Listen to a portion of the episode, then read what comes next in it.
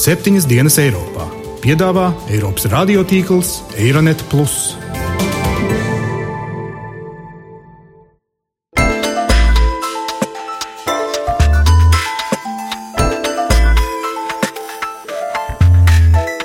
Šonadēļ septiņas dienas Eiropā dzirdēsim.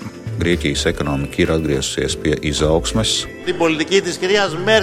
Tad var notikt kaut kāds liels sprādziens. Es neparedzu galu eiro valūtai.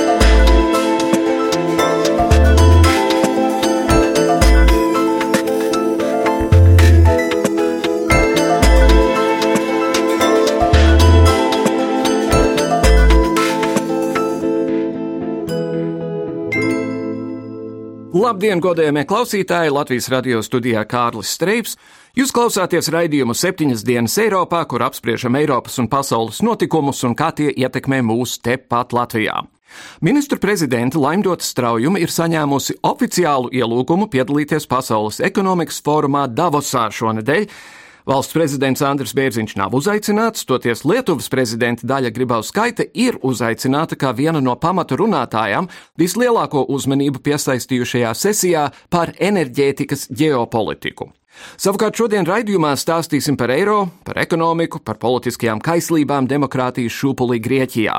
Spriedīsim, kāpēc ir vērts uzmanīgi sekot šīs nedēļas Grieķijas notikumiem un kā tas, kas tur notiks, visdrīzāk ietekmēs visas eirozonas nākotni.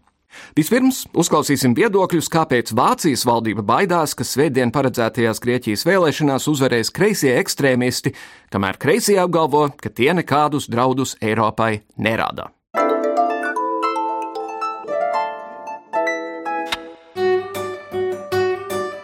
Nepagāja ilgs laiks, līdz grieķu vēlētājus sākā bērt ar brīdinājumiem par to, kas ir likts uz spēles, kad viņi 25. janvārī dosies vēlēt jauno parlamentu. Lielākā daļa Eiropas varas vīru nevēlas, lai uzvar kreiso ekstrēmistu partija Sirīza, kurai socioloģiskajās aptaujās šobrīd paredz vislielākos panākumus.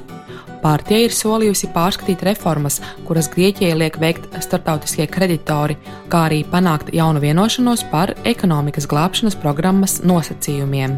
Vācijā bažījies, ka Aleksa Cipra vadītā galēji kreiso partiju apvienība pēc ievēlēšanas radīs precedentu visā Eiropā. Sirīza aicina rīkot apjomīgu Eiropas parādu konferenci, kurā aizdevēji varētu norakstīt ne tikai Grieķijas, bet visu Dienvidu Eiropas valstu parādus. Grieķija, kas jau vairākus gadus piedzīvo smagu finanšu krīzi, ir aizņēmusies vairāk nekā 270 miljardu eiro. Tas veido 177% no Grieķijas iekšzemes koprodukta un liek cieši pievilkt jostas. Cipras uzsver, ka šāda ideja nebūtu nav kas ārkārtējs. Līdzīga Eiropas līderu tikšanās Londonā notika jau 1953. gadā.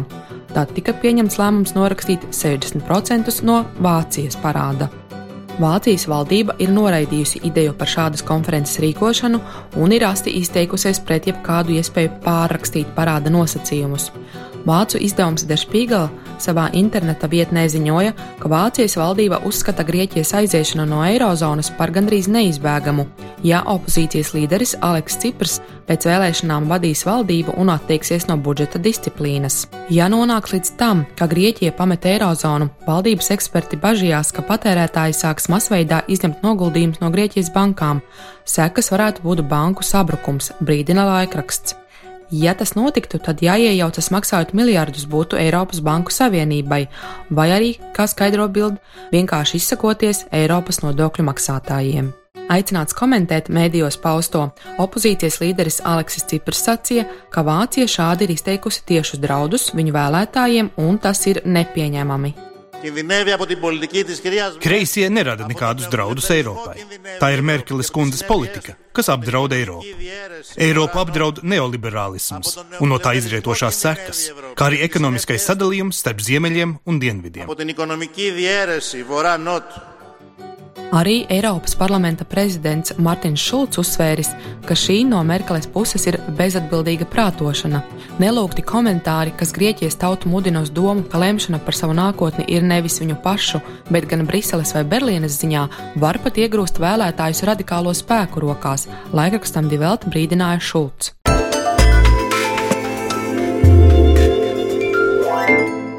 Žurnāls Foreign Policy raksta, ja 2014. gads bija gads, kad pasaule izlikās nepamanām Eiropas problēmas, tad 2015. gads būs tas, kur Eiropa, Eiro un Eirozona atkal nonāks avīžu virsrakstos, bet diemžēl ne tajā vislabākajā nozīmē.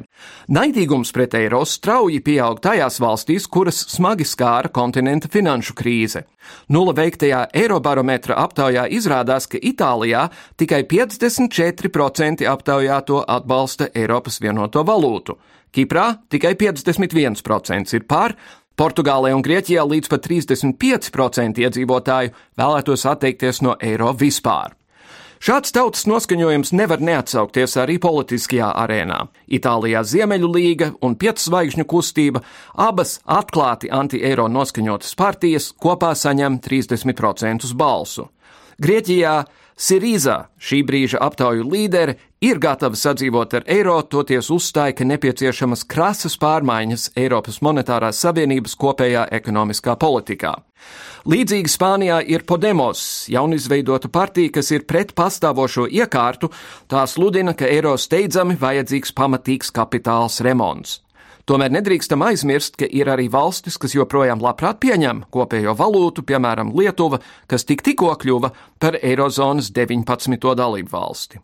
Vairāk par pirmsvēlēšanu kaislībām un valdošo noskaņu Grieķijā mana kolēģe Jāņa Kropa Sižetā.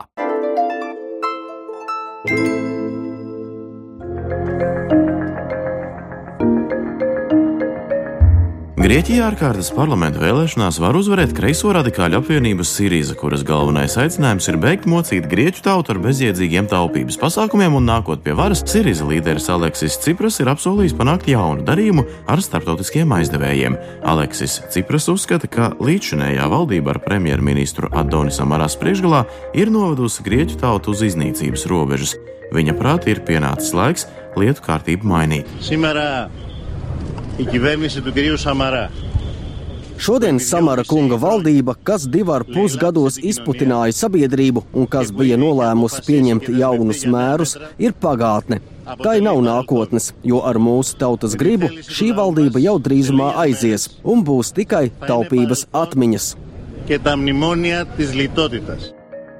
Tikmēr vēl pie varas esošais Adonis Samaras uzskata, ka pārmaiņas pēdējā brīdī ir ļaunākais, kas šobrīd var notikt Grieķijā. Jāpiekrīt, ka no taupības pasākumiem nebūtu nekādas jēgas, ja pasažieri nolēmtu izlēkt no vilciena tieši pirms ieiešanas pēdējā stācijā, turpina Grieķijas premjerministrs. Divi ar pus gados mums izdevās tik daudz ko paveikt, un izdevās nonākt tik tuvu, lai beidzot nokārtot savas saistības un saņemtu pēdējo palīdzību. Mēs šobrīd nevaram pieļaut, ka šī tauta pati sevi atgriež krīzē, kur valda nošķirtība, trūkums un piespiedu aizdevumi. Mūsu tautas nestie upuri nedrīkst aiziet zudumā.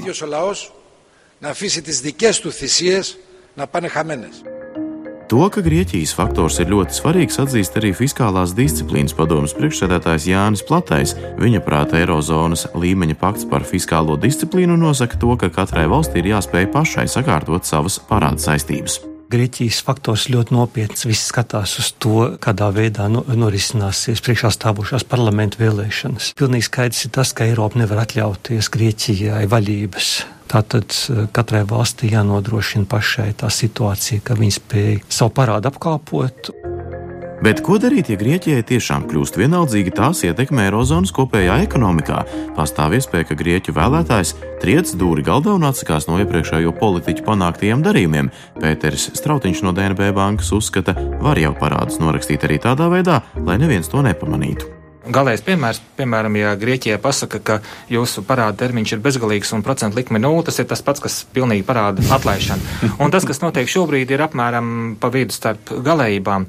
Tas tiek darīts tādā veidā, lai Tante Bavārijā nekā nepamanītu. Un Merkelē nebūtu pārāk liels problēmas. Bet, eh, teiksim, ja Grieķi ir ļoti uzstājīgi un viņu politiskie līderi, tā teikt, ierunā sevi stūrī ar prasībām, no kuras viņi vairs nevar atkāpties, tad var notikt kaut kāds liels sprādziens. Dūras triekšana, gādā trauka mešana par cienu un izbrāšanās ārā pa durvīm, tad īstenībā nesaprot, kas notiks pēc tam.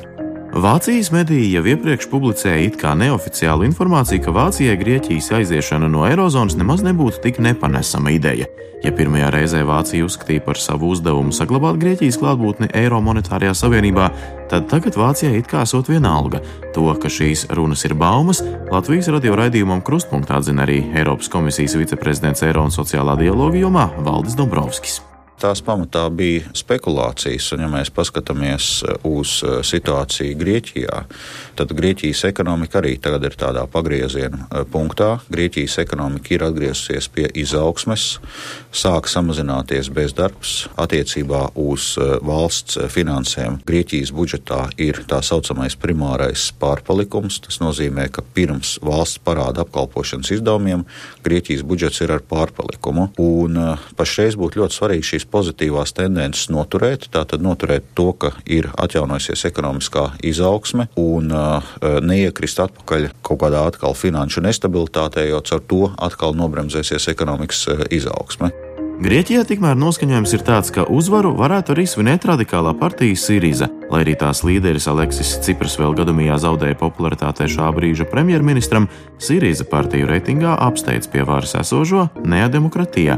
Par otru valdības partiju PASOK šobrīd vispār nav jēgas runāt, jo šo partiju vaino pilnīgā piekāpībā starptautiskajiem aizdevējiem vēl pašas krīzes sākumā Bet šobrīd dažas aptaujas uzrādot, ka Sīrija ir priekšā liberāļiem par pāris procentiem, taču Halkītā dzīvojošais grieķu uzņēmējs Jānis Ļonakis uzskata, patiesos datus tāpat neviens nepublicēs.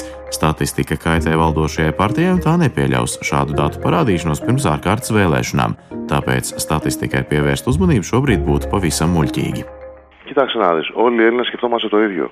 Και αυτοί που ψηφίζουν ΣΥΡΙΖΑ και αυτοί που ψηφίζουν ΠΑΣΟΚ Mēs, grieķi, vairāk vai mazāk, bet visi domājam līdzīgi. Gan tie, kas atbalsta Siriza, gan tie, kas ir par pasok vai neatdemokratija. Tas, kas mums ir prātā, ko darīt, lai uzlabotos esošā situācija. Un šobrīd mēs esam pārliecinājušies, ka valdošie to nespēja uzlabot. Tāpēc arī izskatās, ka uzvarēs Siriza. Grieķi ir noguruši no politiskās nespējas, ko pēdējos gados demonstrē premjerministrs. Mums ir viens drauds, un tā ir Vācija. Un šī brīža ekonomiskā politika neved mūs laukā no parādu krīzes. Situācija ir, ka mums ir viena valsts, kas ir parādā un kur par to jāmaksā veselai tautai, kurai par to gan praktiski nebija atbildības.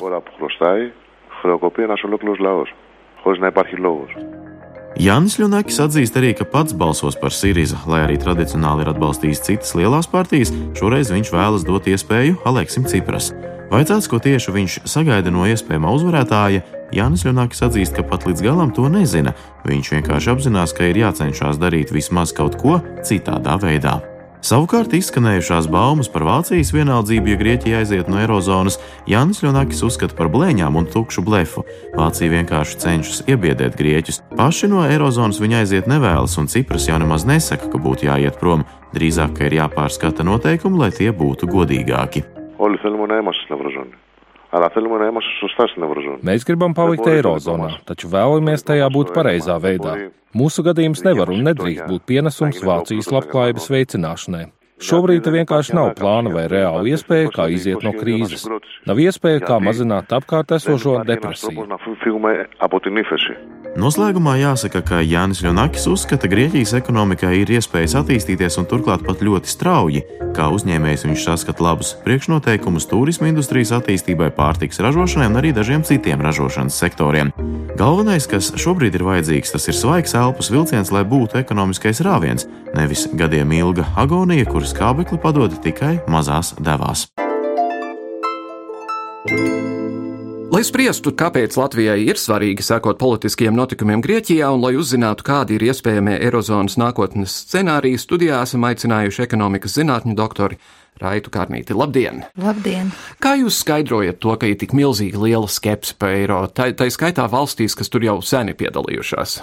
Es domāju, ka šeit ir gan tāds pamatota skepse, gan arī varbūt netik ļoti pamatota skepse, jo visas attīstītās valstis iekļuva krīzē. Un, protams, starp šajā diskusijā par to, kura valsts labāka, kurā ir labāka ekonomiskā politika, kura prot un kura neprot izsargāties no krīzes starp attīstītajām valstīm bija neliela konkurence. Un, un tad, kad krīze jau sākās Amerikas Savienotajās valstīs, tad Eiropa lepni apgalvoja, ka mums tas nedraud, jo mums, lūk, ir rūpniecība un tāds un tāds, un vispār mums ir labāka ekonomiskā politika bet uh, tas tomēr notika, un ja Amerika sāka agrāk šos pretkrīzes pasākumus un visumā diezgan tādus, nu, neatzīstamus ar naudas drukāšanu, tad Eiropa to sāka, nu, kā mēģināja izvairīties, kā mēģināja piekopt tādas ekonomiski gurākus risinājumus, bet, nu, rezultāti tam nebija, un, un tādēļ arī nav strauja augsma, un šobrīd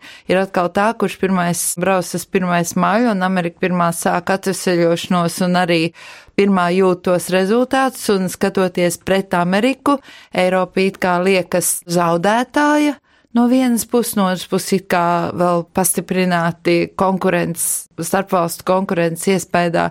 Rezultātā šis iespējas tiek stiprināts ar tādiem apgalvojumiem, ka reka tur jau nekas tomēr neizdodas, un tas, protams, vairo skepsi. Bet uh, man jāsaka, ka šajos ilgajos gados vērojot globālo attīstību un attīstības politikas, uh, nav tā gluži, ka Amerikas piekoptā politika vienmēr būtu bijusi pati labākā no visiem aspektiem. Ir dažādi aspekti, ja mēs gribam strauju augsmu, tā ir ļoti nežēlīga politika, ja mēs gribam mērnāku augsmu, bet mīkstāku politiku, tā ir atkal ar citām metodēm un citiem paņēmieniem. Un Eiropa ir tā, kura piekop šo mērenāko, sociāli saudzīgāko politiku, un tādēļ arī procesi visi ir daudz lēnāki. Un, protams, ir, un... ir arī tas apstākļus, ka, ka Eiropa reizēm pievēr acis, tad, kad kādā no valstīm neapmierina Maastrichtas kritērijus un, un tā tālāk.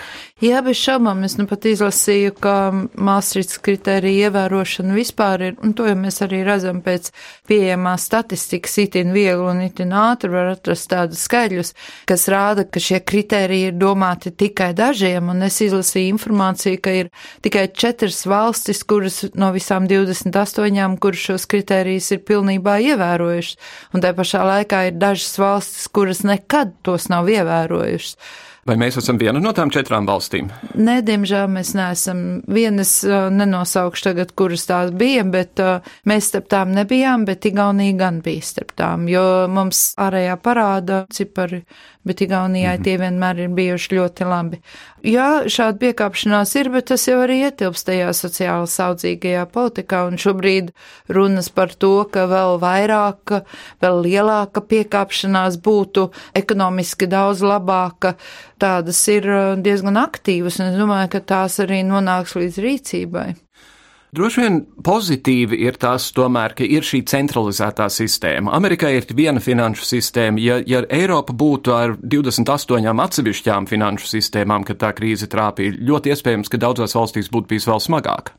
Tā ir taisnība droši vien, un uh, šeit atkal ir tā varētu teikt, Eiropas politikas savā ziņā divkosība un savā ziņā arī sekmība, jo neviens nav atklāti runājis par federālo valsts, nu tā īsti atklāti, kad mēs ejam, dibinām federālu valsts, citādi mēs nevaram. Par to tā atklāti neviens nav runājis, bet jau no Lisabonas līguma laikiem tomēr šis, un patiesībā no pašas, es domāju, Eiropas Savienības un Eiropas kopienas dibināšanas sākuma, šī doma par vienotu valsti jau idejas autoriem ir galvā noteikti sēdējusi. Un Ar arī šobrīd, ciešāk un ciešāk un ciešāk jā, un šis krīzes laiks, nu, lieliski iedeva rokā tādu labu motivāciju, kāpēc tas ir jādara, un turklāt tas arī attaisnojās. Bet uh, atkal jau literatūrā ir atrodamas analīzes par to, kas tad ir attaisnojies un kas tad nav attaisnojies, un ja Eiropā visu laiku nepārtraukti tiek augstu turēta godā šī sociālā labklājība, labklājības valsts ideja, labklājības Eiropas ideja, sociālās Eiropas idejas, tad šīs analīzes atzīst, nu, gandrīz neapstrīdami, ka jā, ekonomikā mēs ar šo kopējo un ļoti ātro darbību esam panākuši labus rezultātus, nu, konkrēti runa ir par trojkas darbību, mm -hmm. par tām valstīm, kurām sniedz palīdzību, bet sociālā ziņā Eiropa ir daudz cietusi. Bet no otras puses, man sajūta ir tāda, ka šajā sociālā ziņā Eiropai ir arī daudz vietas, kur piekāpties. Jo tā sociāla attīstība nu, nekad jau nav pietiekoši augsta labklājība. Vienmēr gribētos vairāk un vairāk un vairāk, un tas tomēr daudz maksā, un to maksātāju ir krietni mazāk nekā to tērētāju. Vai jūsuprāt, tie cilvēki Grieķijā un ne tikai Grieķijā, kuri aģitē par to, ka vai nu kaut kas ir ļoti jāpārkārto vai vispār no eiro ir jāatsakās, vai viņu domās, jūsuprāt, ir kaut kas racionāls vai arī tas ir vienkārši kreiss populisms, ko mēs dzirdam? Lēmums par izstāšanos no eirozonas, pat no eirozonas, nemaz nerunājot par Eiropas Savienību, Es domāju, arī Grieķijai ir diezgan nozīmīgs un viegli tādu lēmumu visticamāk, ka nepieņems, ka būs lielas pārdomas un, ja mēs atskatāmies nelielā vēsturē, tad tomēr tieši iedzīvotāji, kur arī visvairāk ir uh, it kā pieprasījuši tajā brīdī, kad viņiem par to nav pašiem konkrēti man jālēmj, konkrēti man jāieliek krustiņš attiecīgajā vietā balsošanas biļetenā, tad viss ir tādi ļoti mudīgi uz izstāšanos no jebkurienes uz protestēšanu un tā tālāk. Un, Bet tad, kad tas ir patiešām jāizdara, tad tomēr, kā mēs zinām, visi balsojumi pēdējā laikā ir bijuši negatīvi attiecībā pret izstāšanos vai iestāšanos un uh, kādā citā, vai, vai pastāvēšanu kādā citā veidā. Tā kā es domāju, ka jautājums par Grieķiju nav tik ļoti viennozīmīgi saprotams, kā to tagad saka Vācija. Ir piekritusi, ka Grieķija izstājās, Grieķija grib, un tad nu Grieķija arī izstāsies. Nē, tas nav tik vienkārši, un es domāju, ka viņi neizstāsies. Kaut vai tāpēc, ka atjaunot pašiem savu valūtu, tas būtu ļoti dārgs prieks, un tas prasītu ilgu laiku. Dienvidu valstīm ir tā, kā ir reizēm ar to analīzi un analītiku Bet es domāju, ka tomēr jebkurš saprātīgs valsts vīrs, un vai nu tādās lielās valstīs nav saprātīgi valsts vīru, jebkurš saprātīgs valsts vīrs sapratīs, ka šajos apstākļos, kad viss pasauli grīļojās un šūpojās, un vislielākie uzbrukumi jau tomēr ir labklājības valstīs, un arī vissāpīgākie zaudējumi ir labklājības valstīs vienkārši tādēļ, ka šeit ir augstāka tā labklājība un sāpīgāk jūtams zaudējums, un tādos apstākļos izšķirties par palikšanu vieniem. Es domāju, ka šeit tā idile par to, cik labi būtu, ja mēs būtu vieni ātri, ātri diskusijas, kad viņi sāks pareiķināt, ko tas maksā. Jūs sakāt, eh, racionāli valsts vīri. No vienas puses, teiksim, kandidāts ir viena lieta un ievēlēta amatpersona ir kaut kas cits. Bet no otras puses, šķiet, ka šie ļoti populistiskie Lepēna Francijā, Farāšs Lielbritānijā, tas pats Cipras Grieķijā kļūst vien populārāki un populārāki. Jā, tas nepieciešams, lai tiktu ievēlēts. Bet tad, kad jau, bet arī starp šīm valstīm arī ir diezgan tāda pārdomu vērti daudzi jautājumi šajās valstīs ir ekonomikā, jo tās ir pieradušas gan pablēdīties, gan vairāk patērēt, gan mazāk pastrādāt.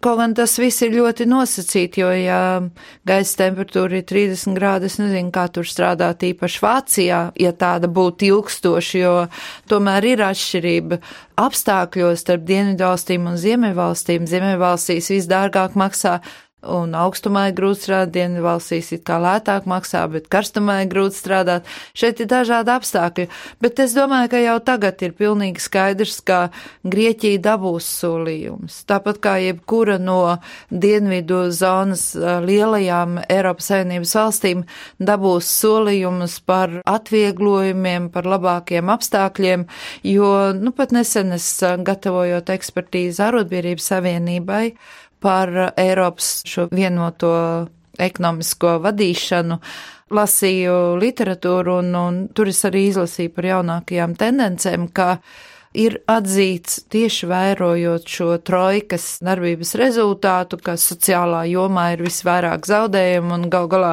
kāda vēlna pēc tad mēs dzīvojam, vai lai paši dzīvot labāk, vai lai būvētu ekonomikā ciparus. Mēs taču dzīvojam, lai paši dzīvotu labāk, un tas nozīmē, ka šis sociālais mērķis tomēr ir jāņem vērā, un ja ir nepārtraukta virzība uz atkāpšanos no tā, tad kaut kas ir jāmaina, un lūk, šis kaut kas ir jāmaina, ir mīkstāka tā taupības politika, ievērojami mīkstāka Tā izskaitā arī ir priekšlikumi par parādu ne jau no gluži norakstīšanu, bet atlikšanu, nu, kas arī patiesībā iznāk viens un tas pats. No, jā. kas bet, ir tāds solījums. Bet no Latvijas viedokļa raugoties, tas varētu likties negodīgi. Jā, tur ir karstums, bet finanšu ministrijā Grieķijā ir noteikti kondicionēšana, un mēs tagad zinām, ka tur notiek netīras lietas ar grāmatvedību un, un datu uzrādīšanu. Un atkal ne tikai Grieķijā. Jā, protams, bet mēs jau neviens nezinām, kas notiktu, ja Latvija nebūtu bijusi tik pakļāvīga. Ja Latvija būtu vairāk argumentējusi, jo mums jau tie sociālie zaudējumi ir patiesībā piemērs tam, kā nevajag darīt. Tas, ko mums saka, no acīs skatoties, ir viena lieta, bet tas, ko saka analītiķi, ir pavisam cita lieta. Un es domāju, ka prātīgāk ir tomēr klausīties, ko saka speciālisti, nekā ko saka politiķi, kuriem ir mērķi.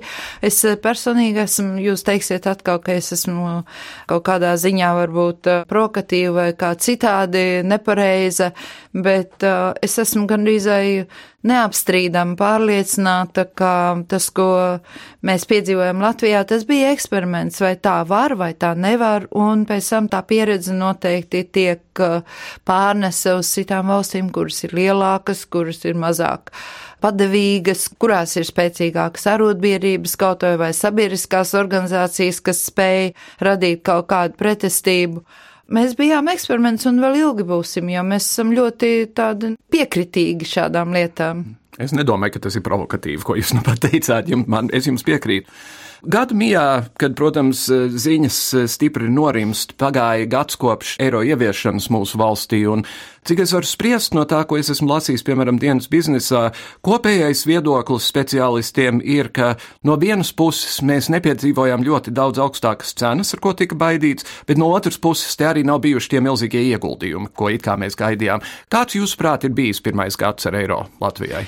Manā skatījumā viņš bija tieši tāds, kādam viņam bija jābūt, un pat vēl labāks nekā viņš varēja būt. Es domāju, ka eiro mēs ieviesām ļoti nemanāmi, bez tāda liela stresa, bez lielām izmaiņām, patiesībā bez lielām izmaiņām bez uh, sarežģījumiem, tīri tādā no nu, tehniskā un tehnoloģija ziņā, un tas, ka nav ieguvumu, tas ir jāvērtē divos aspektos - ieguvumi pret potenciāliem ieguvumiem un ieguvumi pret solītiem ieguvumiem, mm. jo solītie ieguvumi nekad nevienā brīdī nebija potenciāli ieguvumi.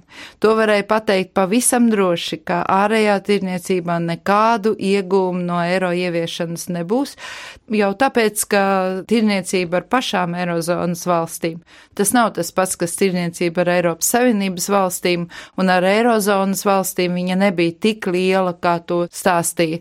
Un tas, ka šeit arī nenāk investori, es domāju, tam ar eiro ieviešanu vai neieviešanu nav nekāda sakara, tam galvenokārt ir sakars ar šo politisko situāciju, ļoti nedrošo, ko tādi nu, ieguldītāji vai naudas īpašnieki, kuri pēta tomēr vietas, kurās viņi iegulda savu naudu un drošību, noteikti izvērtē. Un, un tam it kā šī eiro ieviešana ir tā kā vieglāk būtu, bet uh, to vieglumu tomēr atsver tas, ka šeit ir lielāks politiskais risks un arī sliktāki ceļi, piemēram, kas arī ir aktuāli. Infrastruktūra, cilvēku resursu pieejamība, cilvēku resursu kvalitāte, daudz jautājumu. Ja dzīves apstākļi, skolas, nu tas taču ir ļoti svarīgi, ja cilvēks grib būt tuvāk savai naudai, un viņš nevar atvest te savu ģimeni, jo te vienkārši mūsu priekšstatos par to, kāda varētu būt Latvijas attīstība, ir ārkārtīgi daudz ilūziju. Un jo sliktāki paliek reāli apstākļi, jo augumā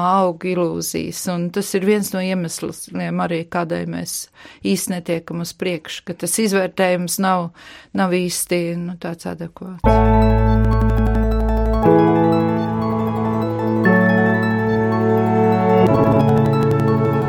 Jūs skatāties uz, uz Eiropas nākotni kopumā? Jo ir cilvēki, kas saka, gan jau pārvarēsim, bet ir arī cilvēki, kas paredz, ka ar laiku tas projekts beigsies. Man ir jāsaka, tā eiro jau nav kaut kas atsevišķs vai viens. Eiro nākotnē noteiks tās integrācijas dziļums un kvalitāte galvenais kvalitāte, jo eiro apdraud tas, ka nu, globālās finanšu tendences tas pats par sevi, jo ja naudu drukā un viņa aizplūst jomās šīs no jauna sadrukātā nauda, kura ir būtu tā kā domāta ekonomikas glābšanai, bet viņi aizplūst tādās jomās, kuras ekonomikai nodara vēl lielāku postu. Šis ekonomiskais aspekts traucē naudai, bet tas ir vienāds visām valūtām. Bet eiro ietekmēs noteikti tas, kāda būs kompozī to valstu kompozīcija, kas viņu balsta.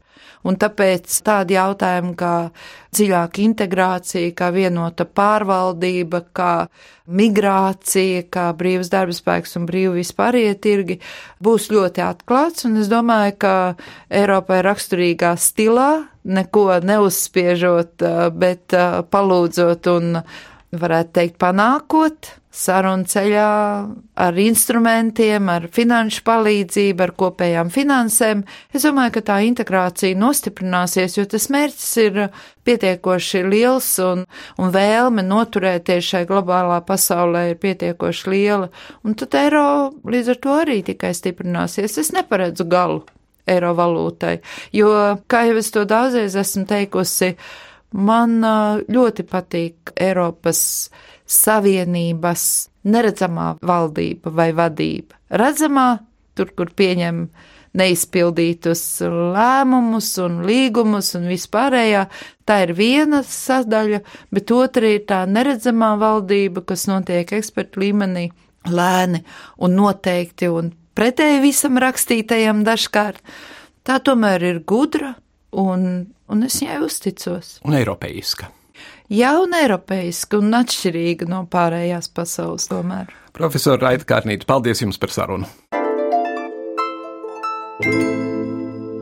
Mūsu atēniešus sauc par demokrātiju, jo pārvalde ir daudzu rokās, ne tikai dažu. Šādi jau pirms 2500 gadiem sacīja grieķu karavadonis Perekls. Mēs septiņas dienas Eiropā arī esam vai nu par vai pret, bet nekād neaturamies. Par to, vai grieķu tautas noskaņojums pirms vēlēšanām ir karavīgs vai drīzāk piesardzīgs, no Atēnām ziņo Latvijas radio speciāla korespondente Ēla Semjonova. Tik tiešām nedēļu pirms vēlēšanām Grieķijā valda visai saspringta gaisotne. To veicina politiskās vārdu kaujas un, kā jau katrā priekšvēlēšana ciņā, jebkurā valstī, solījumi tiek bārstīti pa labi un pa kreisi. Pašlaik Grieķu elektorāts ir sadalīts divās grupās. Vieni atbalsta premjerministru un viņa partiju jaunā demokrātija, kas bijusi pie varas pēdējos divus gadus. Grieķijā ir tradicionāli populāras kreisās politiskās partijas. Sociālistiskās idejas bauda plašu sabiedrības atbalstu. Tieši tāpēc tagad otra vēlētāja grupa ir par kreiso partiju ievēlēšanu. Spriežot pēc aptaujām, vēlēšanās varētu uzvarēt radikāla kreisā partiju apvienība Sīriza. Šīs politiskais spēks iepriekš esot aicinājusi valsti izstāties no NATO un atcelt visus bargos taupības pasākumus. Tagad šādi izteikumi no partijas locekļiem vairs neizskan. Retorika kļūsi mierīgāka, taču partija jau sajutusi varas tuvumu un apgalvo, ka pieprasīs valsts parāda daļai norakstīšanu, kas jau izsaucis kritiskas piezīmes no aizdevēju puses. Ja runā par iedzīvotāju attieksmi pret gaidāmajām vēlēšanām un viņu politiskajām simpātijām, tad tieši tik, cik raiba ir politiskā palete, tikpat atšķirīgi arī iedzīvotāju viedokļi. Vieni baidās, ka valsts tuvojas katastrofai un kreiso politiķu nākšana pie varas var vainagoties ar Grieķijas izstāšanos no eirozonas, ko angļu valodā apzīmē ar vārdu Grexit, un tad Grieķijas valūtas drāhmas nepietiks pat maizes klaipam. Citi atkal uzskata tieši pretēji, ka nav no kā baidīties, pienācis laiks radikālām izmaiņām, jo sliktāk jau nu vairs nav kur. Katrā ziņā pagaidām paredzēt konkrētu scenāriju ir grūti. Pastāv iespēja, ka šīs vēlēšanas nenesīs cerētās pārmaiņas uz labo pusi, un tad būs jārīko atkārtotas vēlēšanas. Tagad nu dien izslēgt nevar neko.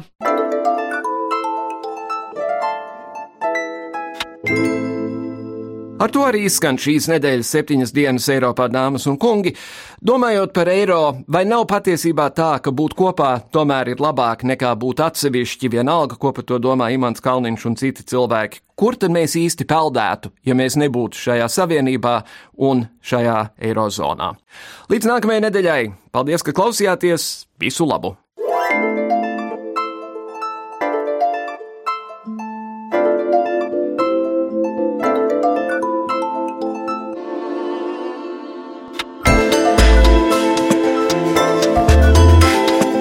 Raidījumu veido Kārlis Streips, Gita Siliņa un Jānis Krops. Producents Lukas Rozītis.